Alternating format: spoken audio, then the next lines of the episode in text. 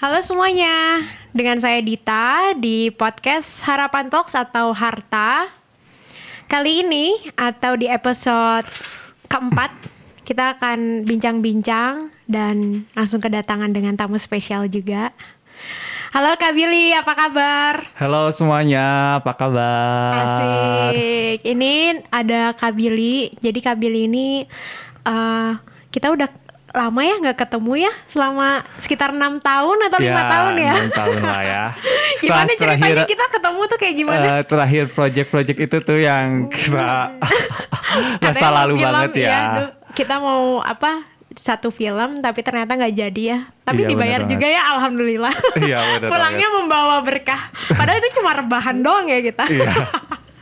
nggak jadi masuk ini in frame-nya terus akhirnya bener kita banget. terpisah ya uh, dan itu udah kita nggak kayak yang cuma lain doang gak sih kayak komunikasinya mm -hmm, terus Instagram juga iya, barengan dan akhirnya nggak pernah ketemu Akhirnya ketemu di 2020 ini. Asik, mantap. Di new normal ini.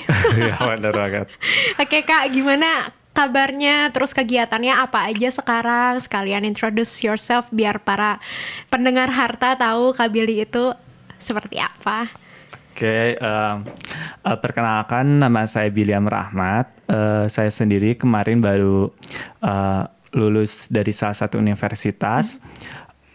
Lalu saya juga uh, masih men masih menjabat sebagai jajaka Kamumet Kota Cimahi. Mungkin yang belum tahu Kamumet itu apa ya. Kamumet sendiri itu merupakan uh, favorit. Jadi uh, jajaka favorit Kota Cimahi 2018 dan sampai sekarang belum lengser. uh, lalu nunggu dilengserkan dulu ya. ya.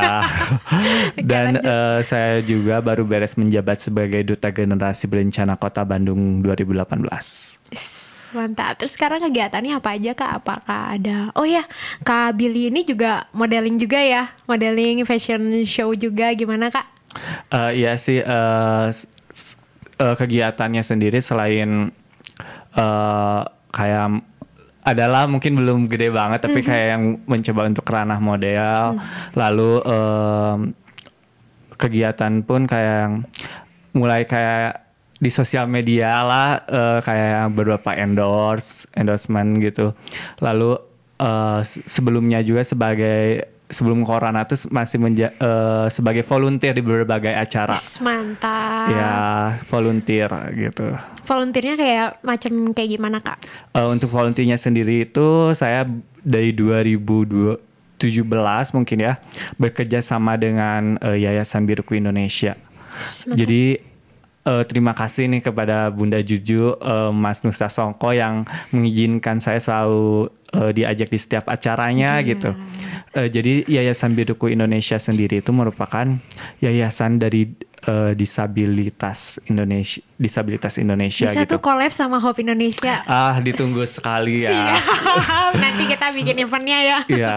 Um, gimana lagi? Jadi beberapa acara yang kayak mulai dari penggalangan dana, uh, lalu acaranya uh, mulai untuk uh, kreasi seni anak-anak kita nyebutnya bukan anak-anak disabilitas tapi anak-anak spesial. seni atau mini concert gitu Iya, ternyata mereka tuh berpotensi banget loh Kak Adit. Uh, dimulai dari bahkan kayak mereka tuh udah punya grup lengsernya sendiri loh. Dan waktu itu Itu dari tahun berapa itu yayasan? Kalau yang setahu Billy mungkin ya, hmm. uh, tahu Billy itu 2017 ya. Hmm. Kalau Billy sendiri kan uh, kerjasamanya sama Bunda Jujum dan Mas Nusa Songko itu dari 2017 hmm. Dan itu tuh banyak uh, yang paling Billy senang tuh ketika Billy pernah jadi MC juga di salah satu acara untuk perlombaan khusus anak-anak spesial. Jadi ada perlombaan jaipong. Mereka itu jago-jago banget jaipong loh Kadit. Keren banget sih. Jadi ada uh, nggak lebih ke kreasi seni sih bukan hanya Jepong aja hmm. banyak banget kayak mereka kayak, dance, kayak lukis nyanyi, atau apa itu ada bahkan gak? nyanyi pun itu keren banget iya asli lukis. Oh choir atau paduan suara gitu ada uh, musik band dan sebagainya. Yang Billy baru tahu sih kayak lebih nyanyi ya, hmm, mereka nyanyi itu keren banget.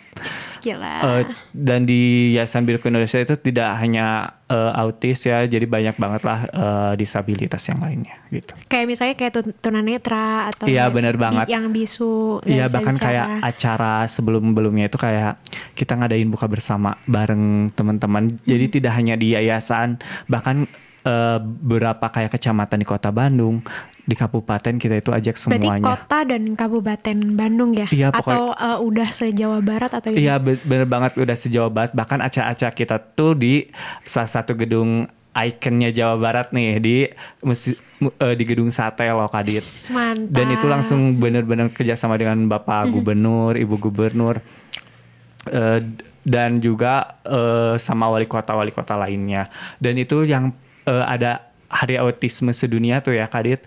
Nanti itu kita ngeituin untuk eh, light biru. Jadi si gedung sate itu dijadiin biru banget dengan cahaya-cahaya birunya itu keren Wih, banget sih. Itu kapan itu? Itu tiap eh, ada peringatan Hari Autis Sedunia. Oh, di, di gedung sate ya? Iya. Oh, tapi iya sih kemarin-kemarin beberapa tahun kemarin. Oke. Thank you banget untuk perkenalannya Kak dan Iya. udah mau datang ke studio ini dan berbincang-bincang juga. Iya. Nah, di episode kali ini kita tadi udah kenalan banget sama Kak Billy. Iya. Untuk yang eh, episode kali ini kita bakal ngomongin tentang keberagaman tanah Sunda. Jadi karena Iya. Kak Billy kan tinggal di Sunda. Betul banget. Menurut Kak Billy nih, karena kita kan tinggal di Indonesia dan diversity atau keberagaman itu macam-macam ya, nggak cuma di Sunda aja, Batak ada, Jawa ada, terus Medan, Flores dan sebagainya itu ada. Menurut Kak Billy, itu keberagaman itu seperti apa sih untuk di Indonesia ini? Eh, untuk eh, Kabili sendiri ya, untuk keberagaman sendiri itu jadi perbedaan an- entah dari suku, ras, agama yang berada di masyarakat ataupun perbedaan yang lainnya.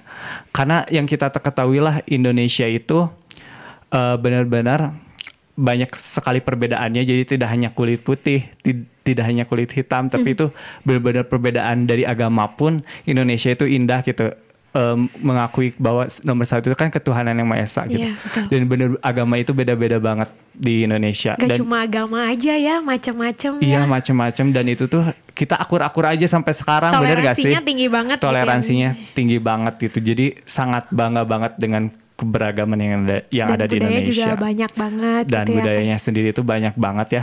Entah itu dari Sunda Jawa gitu. Apalagi Billy Sunda kayak ngerasa benar-benar seneng banget lah dengan keberagaman Sunda ini gitu dan di Sunda juga nggak apa kayak blasterannya ada Bener kayak di banget. Jawa juga blasterannya juga ada tapi blasterannya masih campuran kayak Jawa Tionghoa Sunda Tionghoa bener apa banget. kayak gitu ya macam-macam ya Iya untuk keberagaman di Sunda apalagi di Bandung tuh kayak yang hampir semua semua rumah ibadah itu ada kan Kadit dan itu kayak teman-teman yang ini tetap dengan memakai bahasa Sundanya itu kayak seneng banget gak sih Kadit? Iya, Jadi kadang kalau misalnya eh, kita misalnya lagi ke kota lain gitu, kadang ih orang Sunda ya, pasti kayak ketara nggak sih? Iya, bener Cara banget. ngomongnya, ih orang Jawa ya, Bener oh banget. orang Batak kamu kayak gitu. Iya. Tapi kadang ada orang juga ngiranya, oh bukan orang Jawa, oh bukan orang Sunda kayak gitu ya. Iya, dan Gimana itu kak? aku sering banget sih kayak orang pertama ke- kali ketemu aku tuh pasti ngomong itu. Dia nggak akan nyangka orang Sunda entah orang dari timur kayak gitu kan dengan kulit kayak gini gitu Iya, dari betul, timur betul. dan segala macem. Pas begitu ngomong oh orang Sunda geningan kira So- soalnya dari muka itu looknya nggak nggak Sunda banyak yang bilang kayak gitu. Banyaknya dari timur apa? timur ya banyak banget kayak yang dari timur segala macem. Eh ternyata orang Sunda karena dengan cara ngomong yang mungkin dari lahir dari Medoknya Sunda, Sunda gitu Iya, ya. medok Sunda banget gitu jadi Sampurasun. Sampurasun Terus eh, kalau misalnya dari keberagaman secara universal itu seperti apa kak? Dari pandangannya kak Billy sendiri. Kalau tadi kan dari Indonesia, sekarang dari luar. Kayak gimana? Eh, untuk keberagaman sendiri kalau menurut eh, saya sendiri gitu keberagaman itu emang sangat terasa banget eh, berbeda berbeda-bedanya itu emang kerasa banget kan Kadit mulai Iya, dari betul. budaya timur budaya tengah gitu kan budaya segala macam itu beda-beda Dari pulau-pulaunya juga beda-beda dan Iya, sampai belasan ribu juga kan banyak banget. Ya apalagi di Indonesia itu pulaunya banyak banget kan Kadit. Iya betul. Eh, dan itu secara universalnya itu kayak perbedaannya itu tidak hanya secara eh, kulit, bener nggak sih Kadit? Tidak hanya secara agama, tidak hanya secara eh, fisik. Iya betul. Fisik entah itu dari rambutnya yang hitam, rambut eh, berwarna beda-beda banget gitu kan Matanya Kadit. yang sipit atau Matanya belok. yang Iya bener banget matanya yang sipit atau belok dan wa- warnanya pun beda banget Hmm. dan itu kayak yang keberagaman yang unity in diversity mungkin ya. Wah, unity, unity in, in, in the diversity. Ya, sorry aja orang Sundanya kedit. Gak apa-apa tuh. Aku juga orang Jawa, jadi agak medok-medok gimana gitu ya. ya punten ya teman-teman. Gak apa-apa. Nanti kan juga apa biar teman-teman tahu gitu. Oh Sunda itu seperti ini. Iya. Oh Sunda itu seperti apa Ya, dan sebagainya. Ya kan namanya orang Sunda yang namanya P jadi F, Iya. Z jadi J itu kan kayak ngerti kan kayak harusnya Idul Fitri jadi Idul Fitri gitu kayak gitu kan emang kerasa banget kan Kadit betul, dan itu betul, aku betul. aku pun sering gitu kok makanya kayak teman P F F um, P terus kayak gitu teman-teman sering Jadi kayak ada yang judging atau menilai gitu ya. Iya, Tapi Kak. ternyata itu udah ciri khas juga kan. Iya, Udah dan- masuk dari ciri khas dan keistimewaan. Iya dan aku wan kayak baik-baik aja sih kayak yang harusnya J apa zebra gimana sih benernya? Zebra. Zebra jadi zebra gitu kan bener gak sih? Kayak kayaknya orang-orang Sunda mengalami kayak aku gitu ya asli Sunda kayak Z jadi J, J gitu kayak ya. gitu bener dan Idul Fitri jadi Idul Fitri bener gak sih? itu kayak kerasa banget Fitri Fitri. Jadi memang gitu. keberagaman itu benar-benar macam-macam ya. Ya bener banget. Mulai dari sudut pak dari Sara, Sara itu kayak suku, agama, ras, Ras, ya, adat istiadat dan sebagainya gitu. Ya. Terus karena karena eh, Kabil ini lahir di Jawa Barat, Ya. di mana kak di Bandung, Cimahi. di Bandung Oh di Bandung, di Bandung sendiri. di Bandung. Apa yang diketahui sama Kak Billy tentang budaya Sunda dari lahir sampai mungkin eh, nenek atau kakek memang dari Sunda atau memang blasteran atau gimana? Emang asli dari Sunda atau gimana? Oke, kalau setahu Billy sih emang maksudnya nggak tahu ya kalau buyut segala macam, cuma yang taunya dari mulai kakek itu semuanya asli Sunda gitu, nggak asli Sunda banget. Eh, sampai orang tua pun Sunda. Jadi yang Billy yang ketahui itu orang Sunda itu somea hadekasema. Tahu nggak sih artinya Kadir? Apa itu? Apa itu? Jadi somea hadekasema itu ramah terhadap tamu. Widin, tapi kayaknya eh, memang orang Sunda tuh terkenal dengan ramah banget ya. Maksudnya kayak senyum, Bener banget. ramah, terus eh, kayak permisi itu apa? Punten. Punten, parmios. Iya dan gitu. itu terkenal dengan lemah lembutnya gak sih Kadit? Iya. Jadi orang Sunda tuh pasti kalau ngomong ya, iya kenapa kayak gitu-gitu bener gak sih? Tapi "Iya, kalau misalnya kenapa?" mau marah Kayak, nggak bisa kayaknya, Iya. nggak bisa atuh atau apa kayak nggak gitu. bisa atuh kayak gitu-gitu. Emang Harus calm down.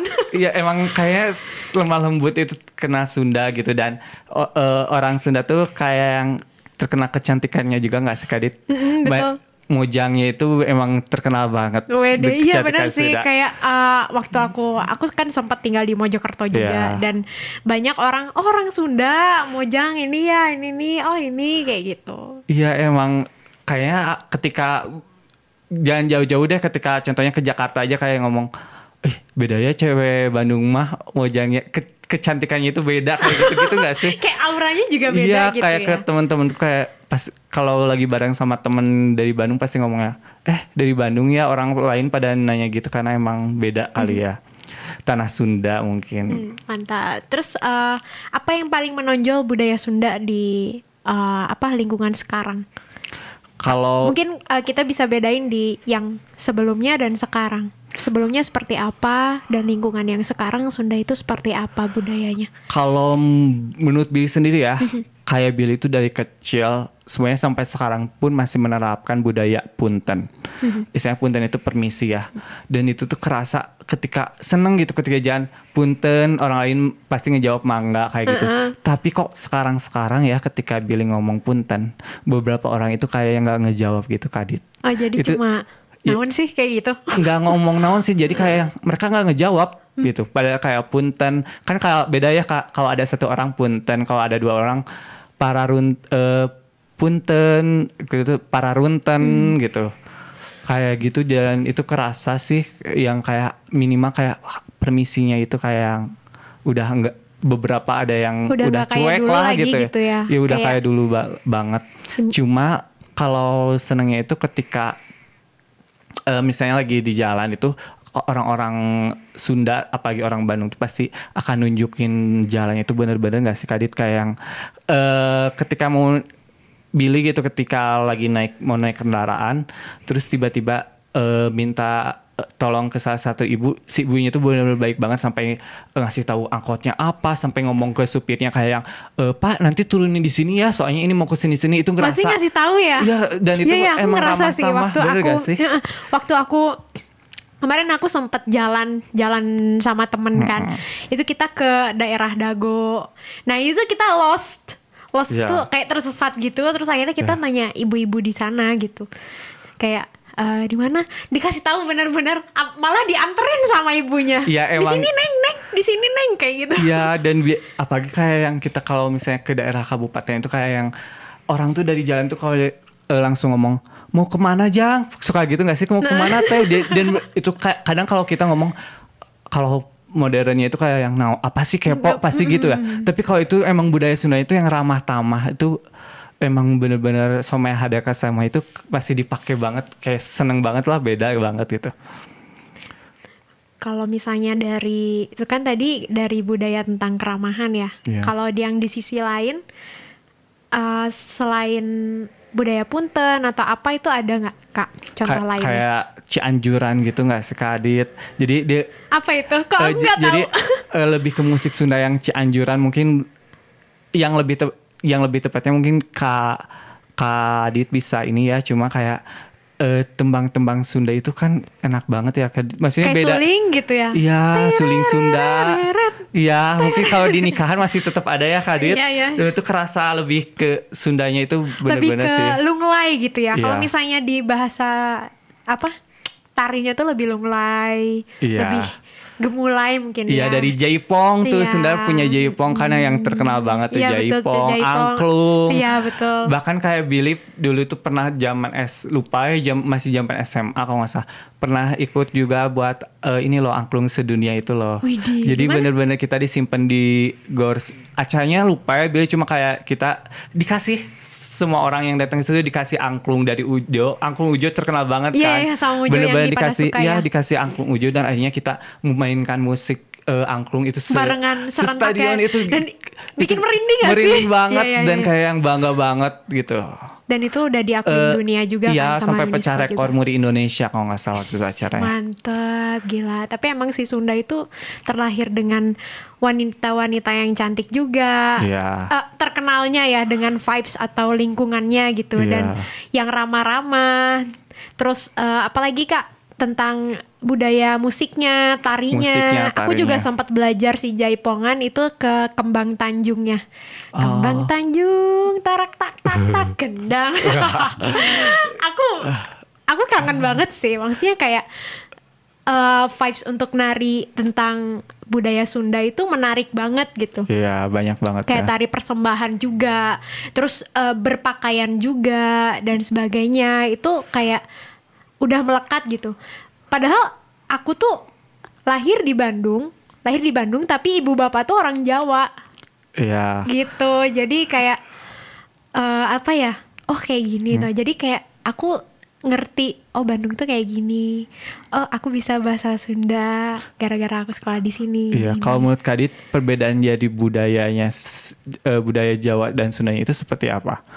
Dari bahasa kali ya. Bahasa. itu udah beda banget. Terus eh, kalau misalnya dari kesamaan sendiri, itu kalau di budaya Jawa juga kayak punten itu juga ada. Kayak eh kayak apa ya? eh lupa aku jadinya bahasanya. Gara-gara kebanyakan bahasa. Iya. Kayak permisi gitu. Iya. Monggo. Kalau di sini kan mangga. Iya. Kalau misalnya di Jawa itu monggo Ya monggo. kayak gitu itu dari dari bahasa sih udah mulai beda sih Iya. gitu Tapi emang Jawa pun emang enak banget ya Kadit ya. Maksudnya maksudnya? eh, budaya itu sangat masih kental banget gak? iya beda budaya masih sa- sangat kental, Kental banget banget. tapi kayaknya eh apa kalau misalnya di Sunda itu tulisannya Iya tulisannya itu beda. Kayak Z gitu kan Z Z Z Enggak Z. sih itu ada aksara Sunda namanya. Ah, aksara Sunda. Aksara Sunda. Soalnya kalau di Jawa namanya Hono Coroko. Iya, Jadi aksara aksara Jawa juga gitu. Gitu ya. Nah, dari bahasa Aksara juga udah macem-macem kan. Udah berbeda gitu. Terus aku mau nyinggung lagi nih tentang eh, apa? Tentang budaya Sunda. Ada nggak sih kelebihan dan kekurangan dari budaya Sunda menurut atau pandangan kakak sendiri sebagai orang yang memang sudah lahir dan punya darah Sunda?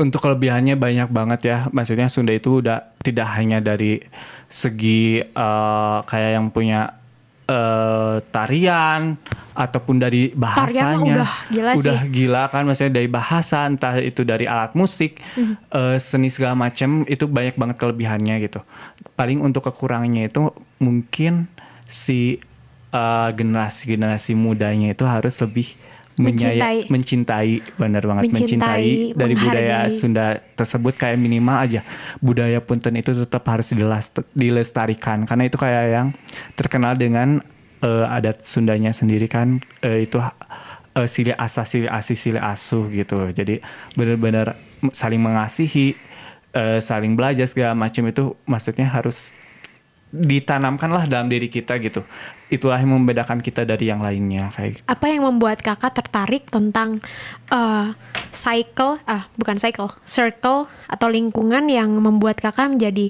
jajaka Kamemet, Kota Cimahi, ataupun jadi duta genre uh, Kota Bandung? Oke, jadi sebelumnya itu eh, biasa kan dia maksudnya ngerti kan masih dunia kayak pertama dari model terus kayak film akhirnya temen-temen pun banyak banget kayak dari duta wisata gitu. Kan Mojang Jajaka sendiri itu duta wisata ya untuk mempromosikan wisata di daerahnya gitu. Ketika itu temen 2005 2016an gitu dia eh, ngomong ke Billy Bill eh, ayo dong ikut Mojang Jajaka cuma dari situ ngerti kan Billy di situ rambut masih keribo saya rambut Ahmad Albar banget lah dunia film nggak kan? Iya. maksudnya emang ny- nyari ka- karakter gitu. Ketika itu Billy kayak yang ah nggak ah bukan Billy banget karena Billy nggak bisa yang kayak yang di panggung untuk eh, catwalk segala macem dulu ya eh mungkin ketok bisa tapi kayak yang public speaking itu Billy nggak bisa ngomong kayak gini loh ke Dita. Dulu itu kayak yang malu-malu banget. Banyak eh eh. Eh, terus ngerasa nggak sih Dit kayak waktu pertama kita ketemu kayaknya beda banget dari ngomong pun aku kayak seadanya. Iya. nggak bisa formal nggak bisa segala macem gitu. I see you. Maksudnya aku ngelihat proses Kabil itu seperti apa sampai sekarang itu udah keren banget sih. Maksudnya kayak bisa public speaking dan sebagainya berkembang gitu dari awal ya. Awalnya jajaki dari perfilman juga Iya. ya kayak. ya Terus- kayak yang masih dan itu tuh Iya dari awal gitu akhirnya pas eh, 2016 kalau nggak salah Billy ikutan terus nyobain 2007 eh nggak ikutan jadi 2016 hanya nonton teman aja support. Wah jadi tim sampai suara serak tuh ngedo- ngedukung kan tim ala eh, ala-ala gitu tim ala-ala yang ngedukung sampai suara serak. Akhirnya 2017 Billy ikutan Mojang Jajaka. Cuma 2017 nggak keterima. Eh, Billy sendiri sih kalau waktu itu nggak keterima karena Billy eh, introspeksi diri ya. Yang pertama itu nggak ada persiapan jadi cuma asal ikutan aja. Bener-bener asal ikutan aja gitu, nggak ada persiapan. Eh, ya udah nggak keterima ya Billy pun nggak terlalu sakit hati karena ya udah karena Billy pun nggak ngelakuin Kan persiapan segala macem ya. ya lebih pengalaman. Akhirnya 2018 eh, ada pemilihan duta ge- genre ya. Hmm. Duta genre itu generasi berencana. Billy mikirnya apa sih duta genre gitu. Duta genre apa gitu. Eh, kan orang lain pasti taunya genre itu musik gak sih? Iya, genre genre. ya, genre gitu haha. musik. Tapi ini genre gitu, genre itu apa? Terus terus nanya ke teman kayaknya, itu loh eh, duta generasi berencana gitu. Oh, emang itu itu tuh apa? Akhirnya Billy eh, nanyalah ke teman-teman eh, duta sebelumnya 2017. Karena Billy pun baru tahu itu ada duta genre. Kadit juga ma- kayaknya Iya, masih asing aku- gak sih? Maksudnya kayak masih asing juga dan kebanyakan sih kayak teman-teman dari daerah juga kayak eh, duta apa, duta apa gitu kayak duta lingkungan apa dan sebagainya Iya. gitu. Tapi ini baru dengar tentang kayaknya eh, setahun atau dua tahun lalu aku tahu kalau misalnya ternyata ada duta genre ini. Genre ya, Ah, generasi ternyata duta berencana. generasi berencana. Iya. gitu. Dan ini menarik sih. Ya jadi eh, duta generasi berencana itu di bawah dari BKKBN Badan Kependudukan dan Keluarga Berencana Nasional itu eh, dan kalau di Kota Bandung sendiri ya Kadit itu di bawah dari DPPKB Kota Bandung Dinas Pengendalian Penduduk dan Keluarga Berencana Kota Bandung di mana ge- generasi berencana itu untuk bertugas untuk em, mensosialisasikan eh, agar menuju eh, remaja itu menuju ke remaja yang berencana gitu Kadit Eh, untuk menuju keluarga yang berencana Mhm. karena remaja pun harus mempunyai keluarga yang berencana kan Kadit Iya betul betul. kenapa eh, ba- banyak slogan Harus ada persiapan. Benar banget. Entah itu karena ketika tugasnya sendiri ya Kadit, ketika kita mengunjungi sekolah-sekolah, eh waktu ditanya nih Kadit, eh ditanya eh, murid ketika sekolah ke murid-muridnya itu kayak yang, "Eh, kamu ke depannya mau jadi apa? Dan mereka tuh kayak belum tahu "Eh, gimana nanti, Iya, terus iya, iya, iya. masih ikut-ikut temennya gitu nggak sekadit? Ya betul betul betul. Aku juga punya pengalaman seperti itu sih. Ya. Karena aku memang eh, di maksudnya sama teman-teman komunitas Hope Indonesia sendiri kita juga eh, mendorong atau ngasih inspirasi buat anak-anak kayak disabilitas juga. Ya. Tapi terutama kebanyakan dari tahun 2017 sampai tahun 2018 kita ke yatim piatu dan kita tuh eh, mengarahkan ke arah dream mereka atau mimpi mereka itu Ya, apa, cita-cita apa mereka. Iya. Terus eh, kebanyakan dari mereka sih memang eh, belum tahu persis dia mau jadi apa gitu. Misalnya kayak ada empat orang temen, kamu mau jadi apa dek? Misalnya dek yang namanya A Iya. mau jadi guru gitu. Terus tiba-tiba temen sebelahnya mau jadi guru juga atau kayak gitulah. Oh, masih ngikut-ngikut ya, Kak Diet? betul ya bener yang kata Kak Billy bilang tadi. Iya, jadi masih kayak yang ya udah ngikut temen karena itu pun Billy rasain ketika Billy belum meng- eh, mengenal generasi berencana sendiri, kayak yang masih eh SMK-nya barengan ya kita. D- Padahal kan tiap orang itu mempunyai kemampuannya masing-masing, Kadit nggak Iya, bisa betul. sama kan? Iya, betul. Eh, jadi dari itu kayak kita ngasih ngasih tahu nih ke teman-teman eh, jangan harus merencanakan sesuatu segala sesuatu harus terencana gitu. Iya, betul. Dan juga ketika ditanya eh, malahan ada ditanya pengen nikah muda, mereka kadang ada yang gitu gak sih Kadit? kayak mereka tuh kayak dengan entengnya ngomong Itu pas ranah eh, ranah kamu ke anak SMP, SDK, SMP atau eh, SMA? SMA sih kalau yang kayak eh, ah mau udah lulus udah lulus SMA mau nikah kayak ada ada gitu kan Kadit. Terus kayak oke maksudnya mereka Operator pengen nikah dulu? Enggak. mungkin karena mereka belum tahu gimana mungkin ya Kadit ya. Eh, sedangkan untuk ideal untuk menikah sendiri kan minimal 21 tahun Iya, untuk betul. perempuan dan minimal 25 tahun untuk laki-laki. Dan itu tuh bukan karena segala macam ah yang kata siapa ada jodoh mah di tangan Tuhan nih. Iya, iya, Eh, iya, iya. Masih terpaku dengan kepercayaan Iya, ya. Tapi banget. ternyata padahal penting juga untuk fisik kita, rohani. Benar banget. Jasmani kita itu seperti apa. Ya nggak sih kak? Iya, karena secara fisik dan mental pun akan siap ketika umurnya sudah eh, cukup gitu Kak ya. Karena banyak kenapa banyak banget perceraian percaya perceraian gitu ketika udah ada yang nikah muda perceraian karena mereka belum siap baik secara fisik maupun mental. Dan itu kayak yang dan itu makanya kenapa ada eh, generasi berencana untuk mengetahui mereka juga kan. Selain itu generasi berencana itu kayak eh, salam ada salam gede tuh katakan tidak pada seks seks pranikah, pernikahan dini dan nafsa gitu, narkotika, alkohol dan lainnya. Dan itu kayak ngasih tahu ke mereka bahwa narkotika segala macam itu sangat berbahaya loh Kadit karena banyak banget orang yang melayang Iya, gara-gara. Betul gara-gara Drugs, narkotika dan lain itu banyak banget orang yang melayang kan Kadit. Dan seks bebas juga termasuk banyak juga sih ya. yes. Kenapa? Karena memang iya. eh, apa tadi yang kata Kak Billy bilang memang seks bebas di sini tuh atau sex educationnya masih kurang banget menurut aku sih. Gimana? Menurut kakak gimana? Bener banget. Makanya bahkan kayak gini contohnya. Ket- Ketika kita ke BK pasti orang ngiranya, oh ini anak punya masalah nih makanya ke BK. Padahal BK itu bimbingan konseling itu tidak hanya untuk anak-anak yang masalah, Iya, bener gak betul, sih betul. Tapi kita kayak ketakutan, aduh dipanggil BK takut, eh, di- dipanggil BK nih takut banget. Takut diapain? Takut Iya. diapain? Padahal mah cuma diajak bicara. bicara segala macam dan di, di genre ini ada eh, namanya PIK remaja atau PIK R. Mhm. PIK R sendiri PIK remaja ini pusat informasi konseling remaja Mhm. dan di man- di mana PIK R sendiri itu eh, dari remaja oleh remaja dan untuk remaja sendiri Wede. Heeh, Dan itu apa aja programnya? Eh, di sana itu ada eh, PS dan KS. PS, PS sendiri ada pendidik sebaya dan KS itu ada konselor sebaya. Bedanya kalau konselor sebaya itu eh, orang yang sudah mem- mempunyai pelatihan sendiri karena yang namanya konselor nggak gampang loh kadit gitu sedangkan pendidik sebaya itu kayak eh, setiap orang kayak bisa untuk menjadi pendidik sebaya gitu asalkan latihan segala macem gitu karena eh, pendidik sebaya itu kayak orang yang mau curhat biasanya eh, teman Itu kita sama sendiri orang khusus nggak sih? Misalnya kayak psikolog atau apa kalau gitu? itu lebih mungkin ke di bagian konselor sebayanya sendiri ya. Itu orang itu tidak semuanya bisa seperti Mario Teguh kayak gitu nggak bener kan? Betul, betul. Nggak semua orang bisa seperti Mario Teguh gitu. Kenapa? Eh, makanya kenapa kita melakukan eh, di generasi bencana itu melakukan pen- eh, pelatihan PS dan KS gitu. Pendidik sebaya dan sebaya. Dan si kadang orang itu ketika mau curhat nih kadit Mhm. bedakan curhat ke orang yang lebih tua kadang kita segan karena takut dimarahin lah takut Iya, dicap betul. takut di ini itu kenapa ada eh, pendidik sebaya karena kalau ada pendidik sebaya itu kita nggak akan malu kita seumuran dan kita lebih ngerti nggak sih kalau curhat yang seumuran kayak betul.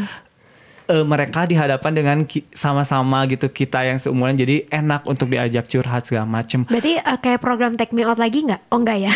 Cari jodoh. oh cari jodoh itu untuk Kadita ya? mungkin ya secepatnya Waduh, ketawanya kencang banget ya. ya terus ya Terus apa lagi kalau misalnya dari program selain tentang konselor dan sebagainya?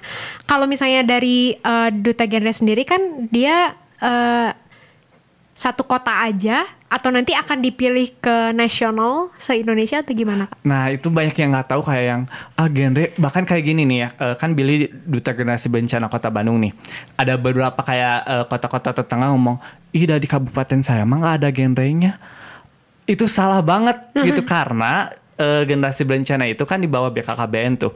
Jadi ketika nanti itu ketika kita mengikuti pertama itu mengikuti seleksi di kota. Dan itu bedanya kota Bandung dari yang lain itu tiap tahunnya itu eh kita hanya 10 pasang jadi hanya 20 orang aja. Itu sebagai duta generasi bencana kota pasti ya. dan seleksinya itu terakhir itu kayak hampir 200 orang lah seleksi dari 200 orang cuma kepilih 20 orang. Dan itu seneng banget sih karena akhirnya kota Bandung bisa benar-benar memperkenalkan dan itu kayak diikuti oleh beberapa universitas hampir semua universitas di kota Bandung gitu Oh masih eh, cakupannya masih kota Bandung ya? Iya soalnya kan eh, Billy sendiri kan duta generasi bencana kota Bandung ya.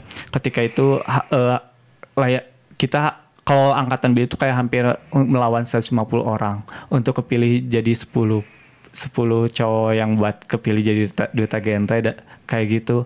Dan di duta generasi berencana itu ada dua jalur kadit, ada jalur pendidikan dan jalur masyarakat.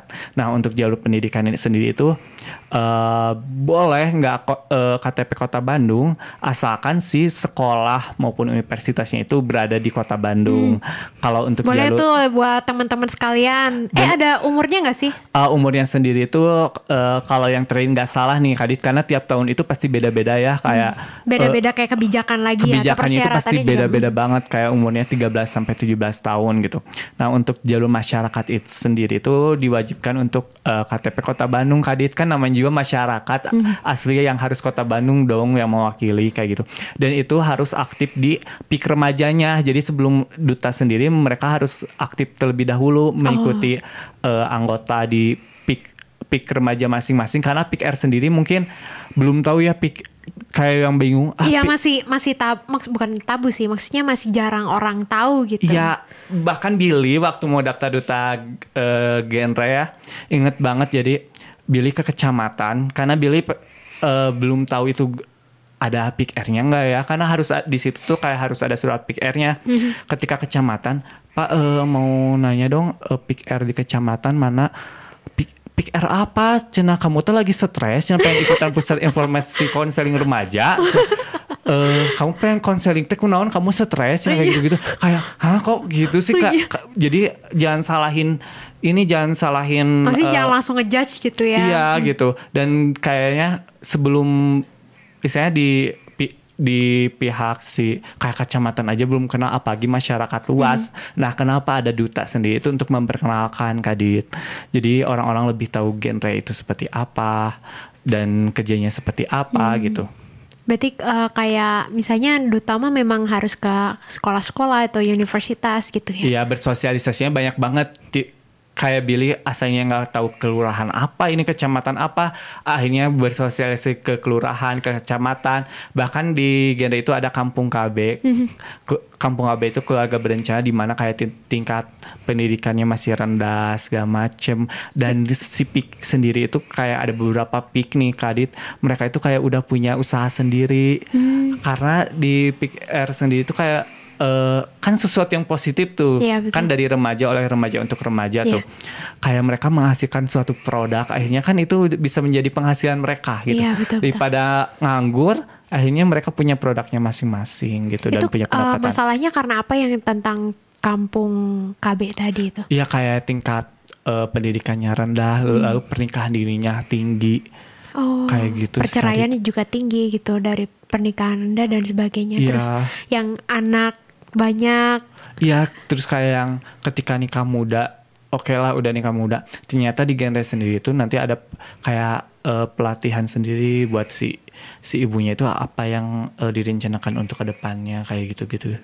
Itu ada di ge- genre itu kayak kumplit hampir semua mencakup semuanya si Kadit gitu. mantap sih. Berarti tentang memang keluarga berencana seperti apa gitu ya dari sejak Iya. dini. Karena memang eh, kita singgung lagi ya. Tadi kan eh, aku udah eh, Dita udah agak nyinggung tentang sex education di sini masih kurang banget dan Iya. pendidikan juga masih kurang banget. Apalagi karena adanya eh Kak Billy ngikutin gak yang tentang RUU undang-undang yang tentang seks bebas dan sebagainya Iya, itu kan eh, aku nggak terlalu baca banyak sih cuma memang yang Ya. disinggung di situ kayak eh, contoh lah kayak kalau misalnya memang mau melakukan sesuatu misalnya kayak berhubungan intim dan sebagainya dengan seks bebas ya kamu harus pakai kondom atau apa gitu kan untuk menjaga gitu kan biar nggak nggak eh, nggak dol gitu nggak dol tuh gimana Dita Nggak sendiri- beranak gitu ya Iya, kayak tapi kalau bisa sih gak setuju sih dengan seks bebas gitu. Mm-hmm. Karena apalagi kita kayak yang sesuai dengan gak kita ya kayak nomor satu itu Iya, ketuhanan betul. yang Maha Esa.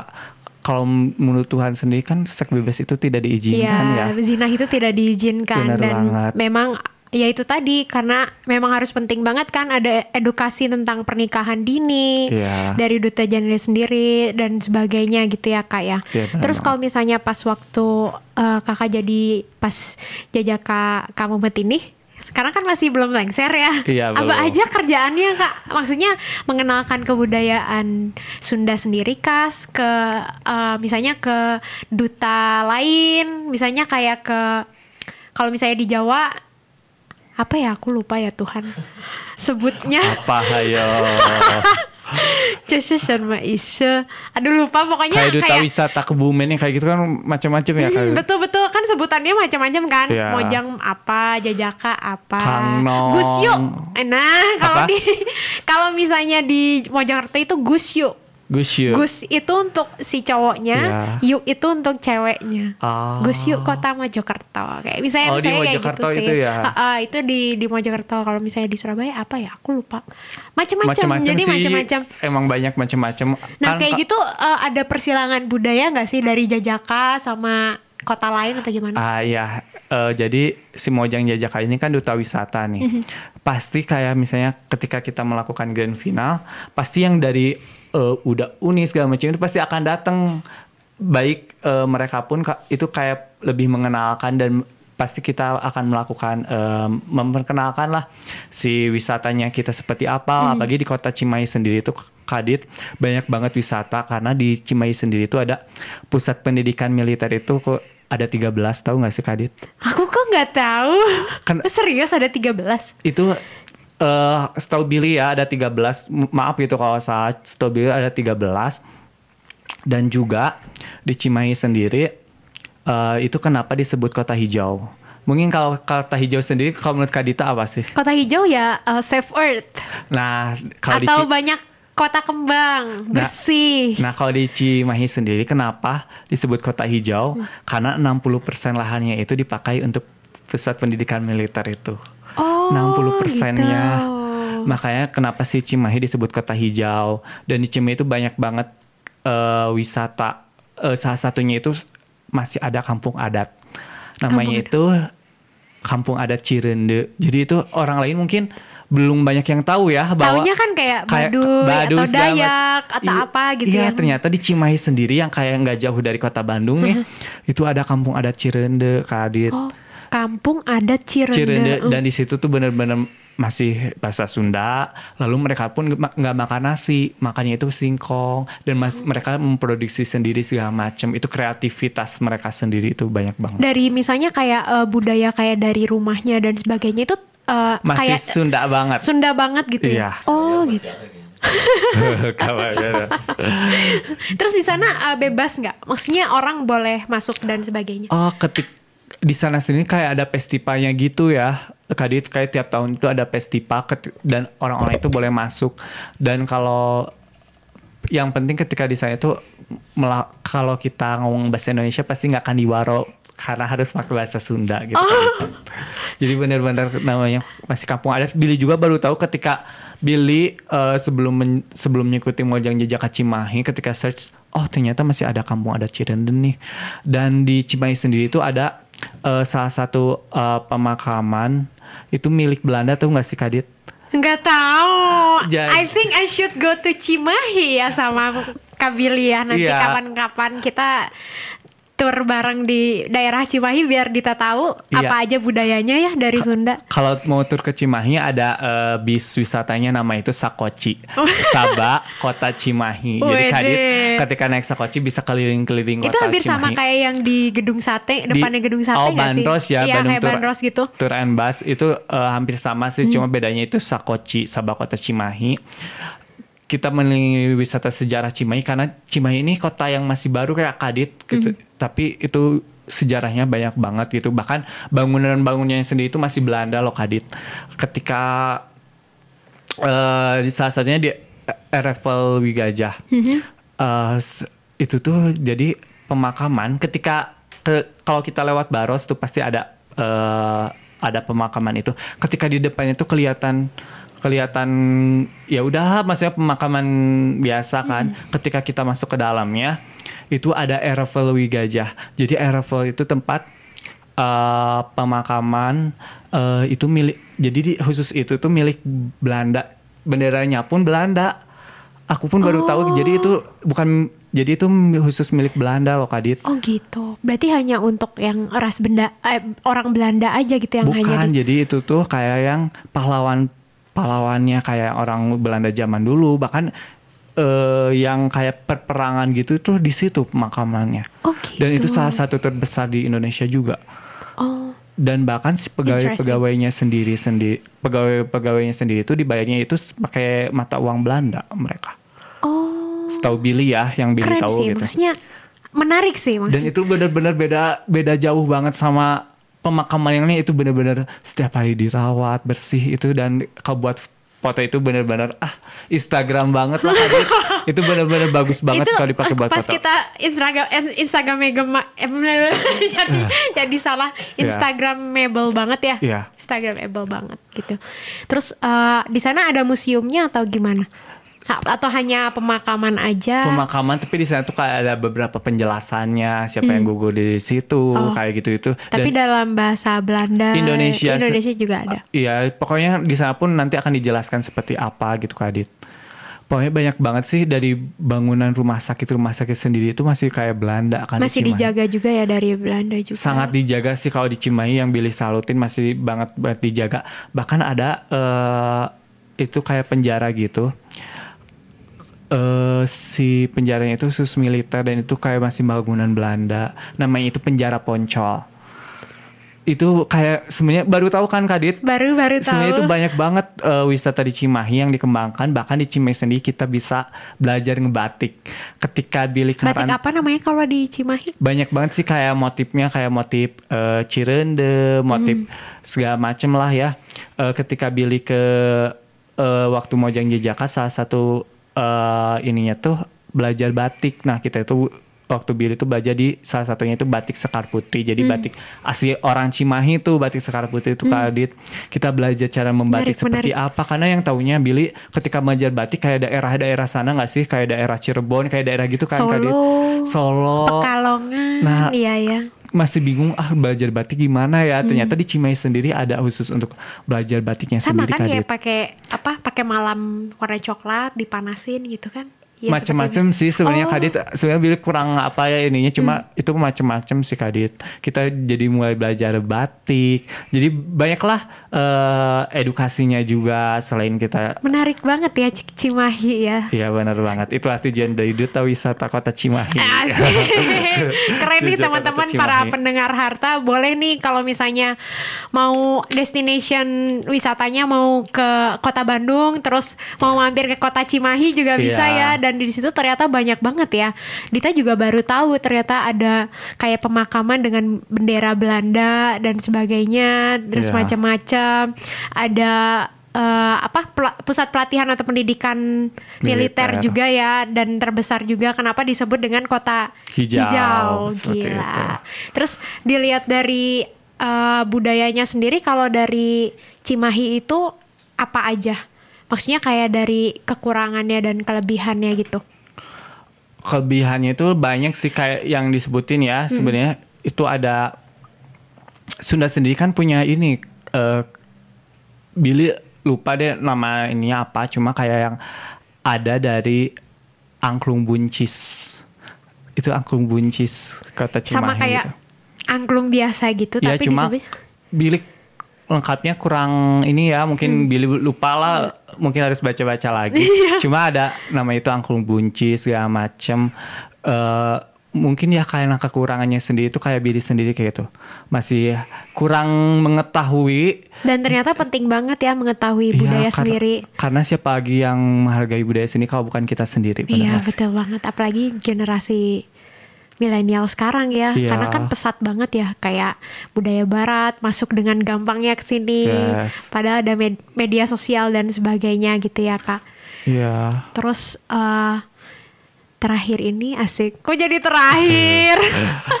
Terang. harapan di masa depan Kak Billy pribadi dan untuk para pendengar harta silakan disampaikan Kak Billy. Eh, untuk harapan KB sendiri eh, agar bisa em, masyarakat sendiri mencintai budayanya sendiri.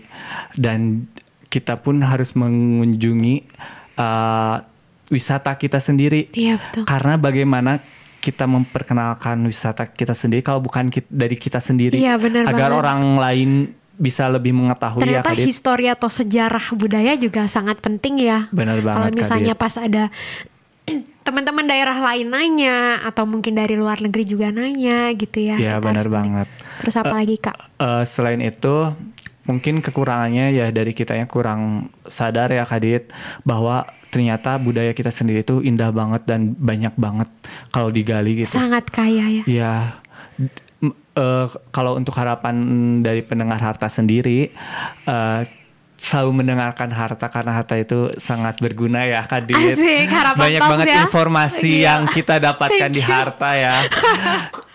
Jadi jangan lupa untuk terus mendengarkan harta. Wede, thank you Kak Billy. Ya.